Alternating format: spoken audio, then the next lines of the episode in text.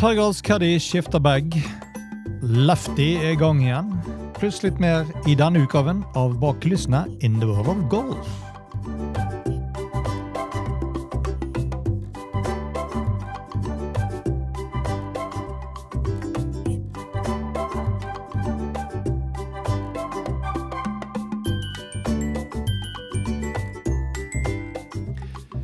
Hei og velkommen til en ny utgave av Golf Unplugged, som ble presentert av Turtech Golf.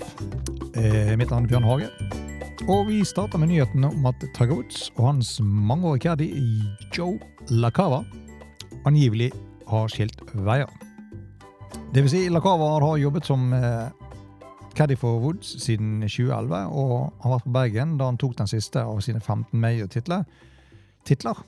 Det er tilbake da i US Masters i 2019. Woods siste Augusta National-opptreden i april i år, som så han trekke seg da i tredje runden, ser imidlertid ut til å være siste gang Lekava har caddier for ham på ubestemt tid. Woods er for tiden da ute av spill etter enda en ankeloperasjon, og uten estimert returdato gitt, så har da Lakava nå slått seg sammen med ingen ringere enn hurtigtoget Patrick Cantley. Og de starter allerede denne uken under Wells Fargo Championship på Quail Hollow. Dette ble også bekreftet av Woods agent Steinberg. Han fortalte til ESPN Joe ringte til Tiger for å spørre om å få hans godkjenning, og det gjorde Tiger selvsagt. Tiger og Joe er som brødre og fantastisk gode venner. Og man skal ikke lese noe mer i dette enn at Joe vil være caddy, siden dette er en lidenskap og han elsker den jobben. Til tross da for å ha opplevd en sesong på PGA-turen som har inkludert topp fem-plasseringer i tre utpekte arrangementer, så delte da Kentley med seg sin mangeårige caddy Matt Minister etter at han og Sandra Schofle endte som delt fjerde på forrige måned Zürich Classic i New Orleans.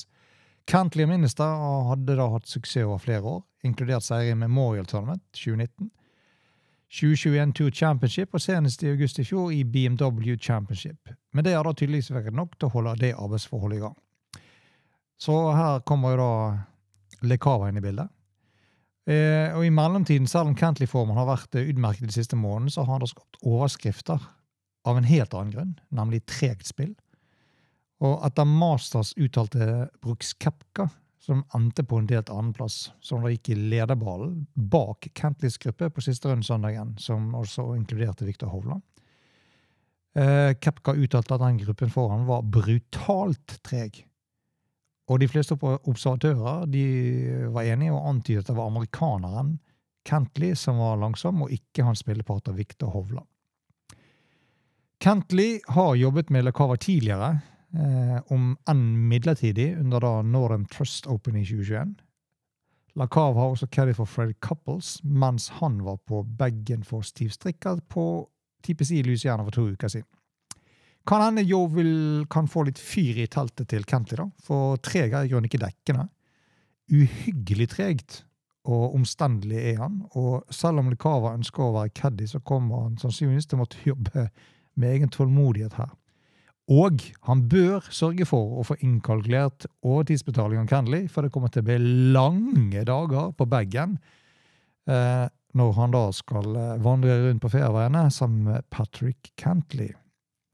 Så uh, happy days! Og så Hva blir vel en uh, uke uten uh, litt lefty news? For han er jo i gang igjen. Han hevder nå at eh, World Rankings det er ikke lenger en troverdig måte å velge store felt, sitert Phil Mickelson. Den seks ganger major-vinneren mener at alternative måter bør utforskes for å sikre at livsspillere kan kvalifisere seg til majors til tross for fallende verdensranking. Enkleste måten er jo bare å slutte å spille på liv. Gå tilbake til PGA-turen, så har du samme rettigheter for verdensrankingspoeng som alle andre. Or you didn't see that one. Mikkelsen sier at den offisielle verdensrankingen i golf ikke lenger er en troverdig måte å velge store mesterskapsfelt på, noe som tyder på at det kan være nye kriterier for hvordan livspillere, som stort sett alle faller på den offisielle World Golf Ranking-listen. som gjør det da vanskelig å kvalifisere seg for disse fire medieårene. De har jo som sagt tidligere, alle medierne sagt at eh, de som spiller på Liv, eh, er velkommen til å spille, så sant de da kvalifiserer seg og innenfor de reglene som er lagt til grunn i de respektive turneringene. Lefty har en tid til stopp i Singapore denne uken, på femte stopp av eh, Liv Golf League 2023.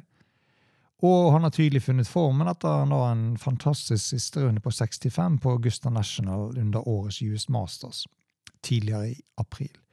Det ga han da som kjent en delt andreplass til slutt. Han ble nummer 16 i Adelaide forrige uke, med sitt beste da resultat i livsesongen så langt. Mikkelsen, som er tre ganger Masters-vinner og har seks major-titler til sitt navn, to PGA Championships og en The Open, han ble spurt om Livs pågående søken etter den offisielle World Golf Ranking-sanksjoneringen med ligaen, som ennå ikke i stand til å tildele poeng, til tross for at de sendte inn en forespørsel i fjor.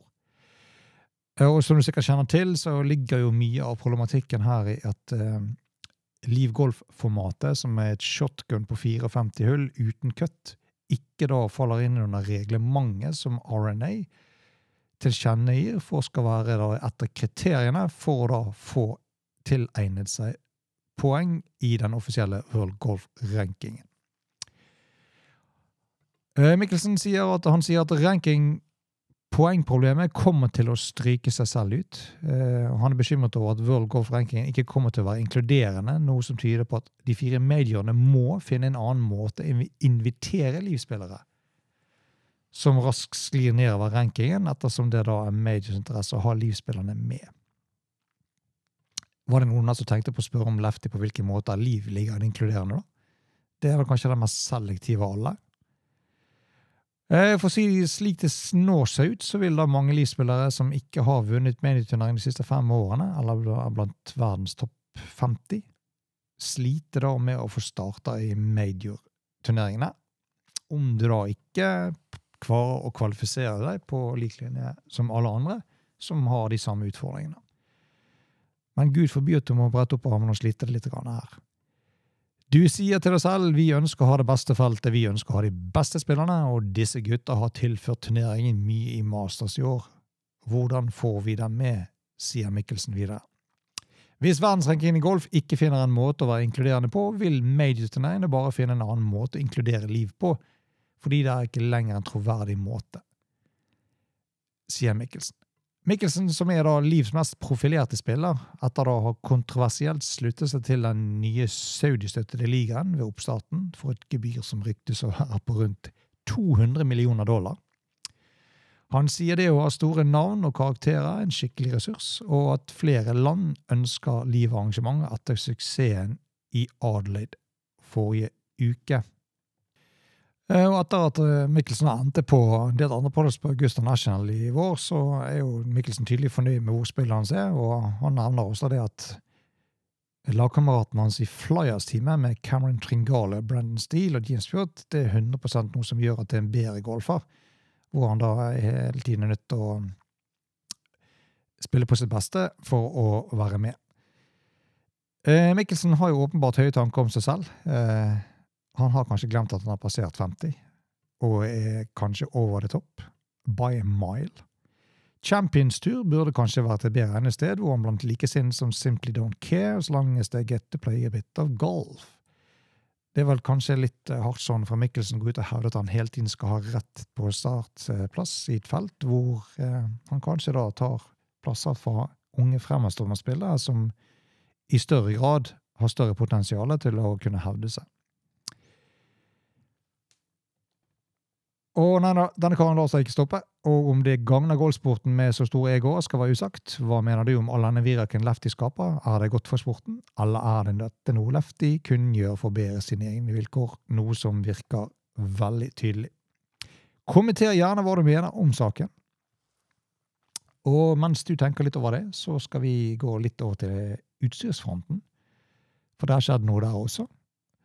Og denne gangen er det Costco som angivelig kommer med en ny vetch og en ball, som har blitt oppdaget på USGAs samsvarsliste, som eh, garantert vil venke interessen til golfere som leter etter både overkommelighet og kvalitet.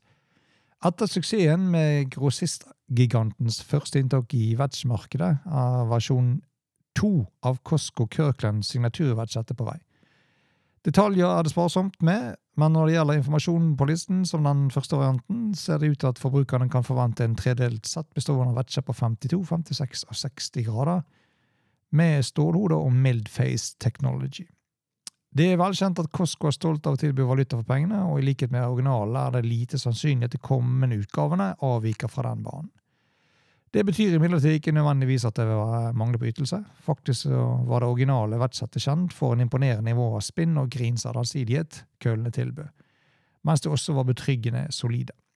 I likhet med Costcos vetsjer var de tidligere modellene av Kirkland Signature golfballene også storsalget, og den kommende versjonen, som er versjon 3, vil da neppe være annerledes. Den nye ballen vil igjen være en tredelt tilbud og sannsynligvis ha et uran, uretandeksel eh, og et en viktig variant av denne gangen er imidlertid at den vil være tilgjengelig i gult som vel i hvitt, hvis det skulle være interesse. Den forrige versjonen av ballen hadde flere oppsider, inkludert utmerket kvalitet og holdbarhet. Et problem var imidlertid den høye spinnytelsen utenfor tid, noe som påvirket lengde. Det blir interessant å se om den nye ballen løser det problemet.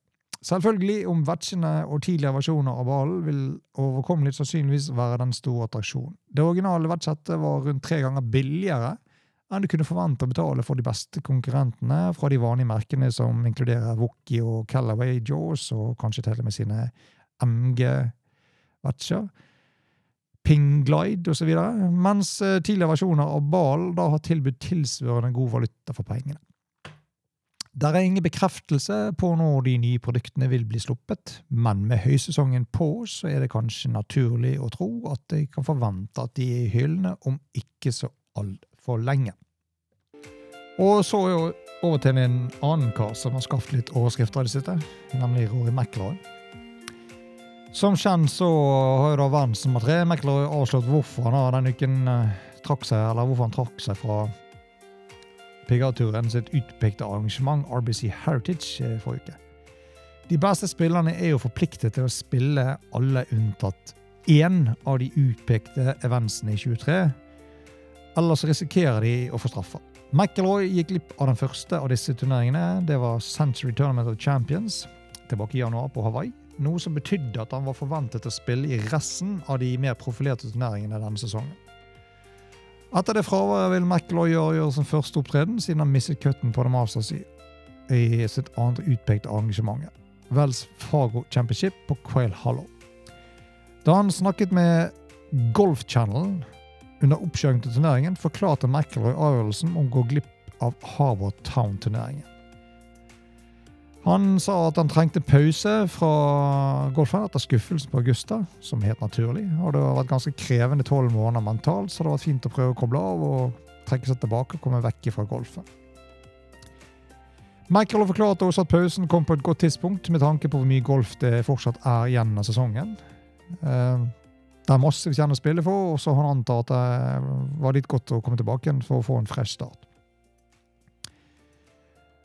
Uh, McIlroys beslutning om å gå glipp av RBC Heritage hevet øyenbrynet fordi han har vært en av de mest vokale talsmennene for de utpekte hendelsene av de eventene siden introduksjonen.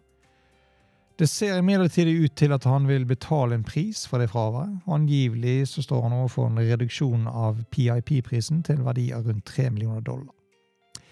Gitt at dette vil være McIlroys første opptreden siden skuffelsen på Augusta National, kunne han knapt ha valgt en mer passende turnering for å prøve å legge den bak seg. Den fire ganger medievinneren har nemlig vunnet Wells Fargo Championship hele tre ganger. Og sist han gjorde det, var tilbake da i 19 Nei, ikke 19, men i 2021. Så det kan bli spennende å se om McIlroy da kommer tilbake med Guts and Glory og går etter topps igjen og tar sin eh, fjerde. Det får man kun vite hvis man følger med og ser på. Likevel, ukens kremmerhus går likevel til Lefties Goons for påvirkning av ytringsfriheten. Eller som noen har uttalt, bullshit artist. Livproff Håna Mikkelsen for 'kissing too much ass' på Saudi-besøk.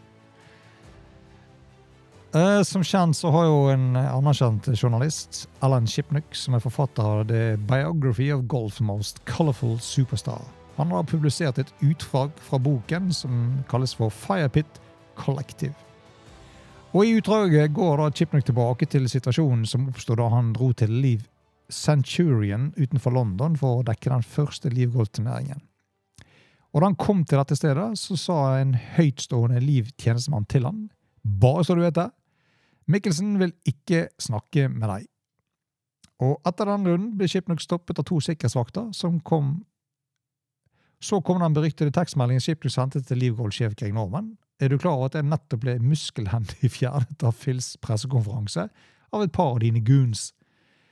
Bildet av Skipnuk som ble stoppet av sikkerhetskontrollen, har da gått sin seiersgang på sosiale medier, med Norman stående rett bak han og ser det hele utfolde seg. Skipnuk sier at han nå tror sikkerheten fungerte mer for Mikkelsen enn det gjorde for Liv. Da jeg så videosutten, så hadde jeg lagt merke til at det, det sto i bakgrunnen, og simpelthen var Mikkelsens svingtrener Andrew Gatson. På et tidspunkt lener han seg inn og hvisker noe til normen og ser litt for fornøyd ut med seg selv. Etter senere å ha avviklet hendelsen med ulike involverte parter, tror jeg det var Mikkelsen eller hans folk som sendte inn klovnene, og ikke Liv. Forfatteren avslørte også at en annen Liv-golfspiller som snakket med Chipnuck under en avtale om anonymitet, sa at Mikkelsen var en bullshit-artist. What else is news?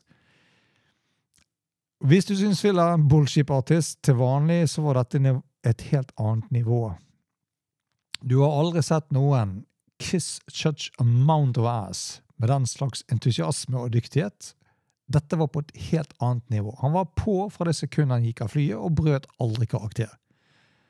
Jeg er ganske sikker på at han innen slutten av uken kunne blitt valgt til borgermester i kong Abdullah City hvis de faktisk hadde holdt et valg der borte. Som tidligere nevnt, Lefty er noe for seg selv. Flawless? Nope. Men det skjer stadig ting rundt han, og det er definitivt ikke kjedelig. Mye kan sies om Phil, men tiden er vel moden for at kanskje han blir ettertrykkelig satt på plass. Eller hva vet vi? Golf er så mye, mye mer enn lefty, og har oss unnskyldt, men det begynner kanskje å bli nok ass-kissing med solbriller på nesetippen. Det er jo lett å forstå hvorfor han er nødt til å ha sikkerhetsvakter rundt seg, slik han håndterer sitt eget snakketøy. En annen som heller ikke er begeistret for liv, eller eh, det som skjer der, det er da Bob Parsons, som tilbake i mars uttalte at CEO fra PG, eh, PXG at han ikke var noen fan av Liv golfsatsingen overhodet. Og I et nylig intervju avslørte PXG-grunnleggeren at han bestemte seg for å ikke fornye noen spillerkontrakter for de som da var en del av Liv Golf. PXG har også da fjernet alle Liv-golferne fra siden sin, eh, og nettsiden er det, og Parsons føler sterkt for ikke inkludere dem i planene sine fremover. Spillere som Pat Perez, Patrick Reed, Hudson Swafford og Jason Cockcott var alle under kontrakt med PXG da de byttet til Liv fra PGA-turen. Men da kontrakten deres løp ut, så blir det da ikke fornyet. Parsons har noen politiske motiver, kan det virke som, bak sine avgjørelser, eh, som kan virke kontroversielle for noen. Men igjen, er det noe som Parsons gjør som ikke er det, da? Hva mener du om PXG sin CEO? Kommenter gjerne under hva du syns om det. En annen som har for vane å sjokkere, det er Bryson DeChambeau. Og Denne gangen så sjokkerer han fansen med nok en overraskende kroppstransformasjon. Golfverdenen har lært å kjenne Bryson DeChambeau som en bulket opp, storslående kraftgolfspiller. Men det var ikke alltid tilfellet. I løpet av sesongen 2018-2019 var DeChambeau den 34. lengsteslående spilleren på PGA-turen. Og Bryson han eh, var ikke mislykket til det punktet i karrieren. Han hadde flere PGA-turseiere før 2019, og vant både John Deere Classic og The Memorial Tournament.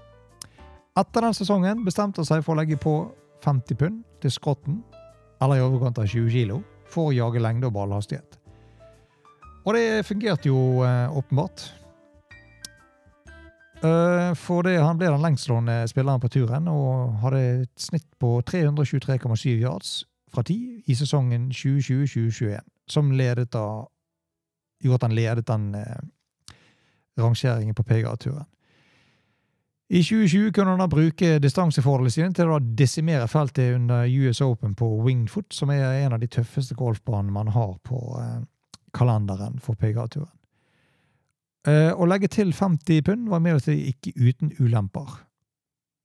Um, da han dukket opp på en podkast i fjor, så delte Bryson at det var mange negative bivirkninger fra vektøkningen.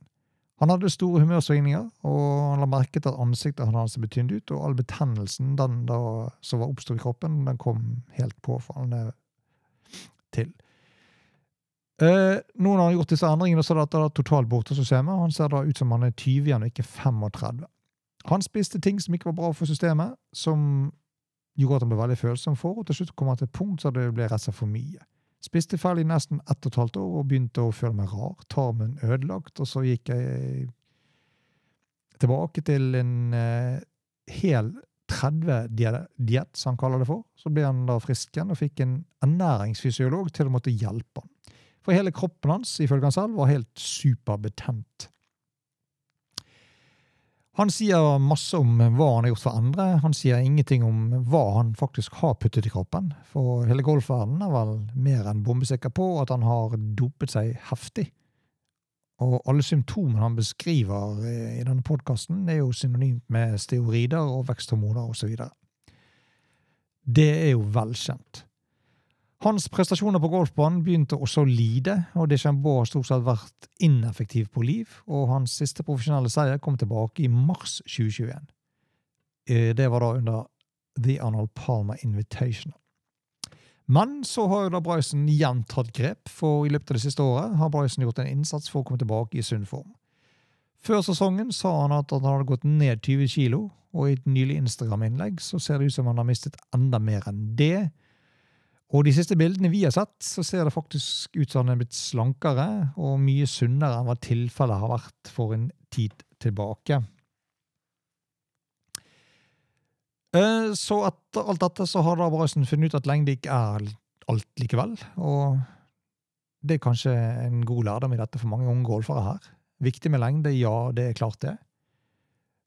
Eh, men golf består så mye, mye mer, eh, og det krever kanskje like mye, om ikke mer, tilsyn for å da lykkes i dette fantastiske spillet.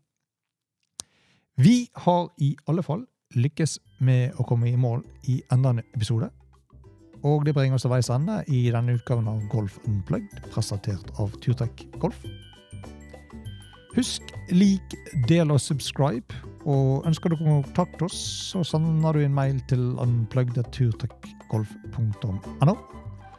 Og til vi høres igjen, husk solbriller og no ass-kissing, og tenk over hva du putter i etehullet. På gjensyn.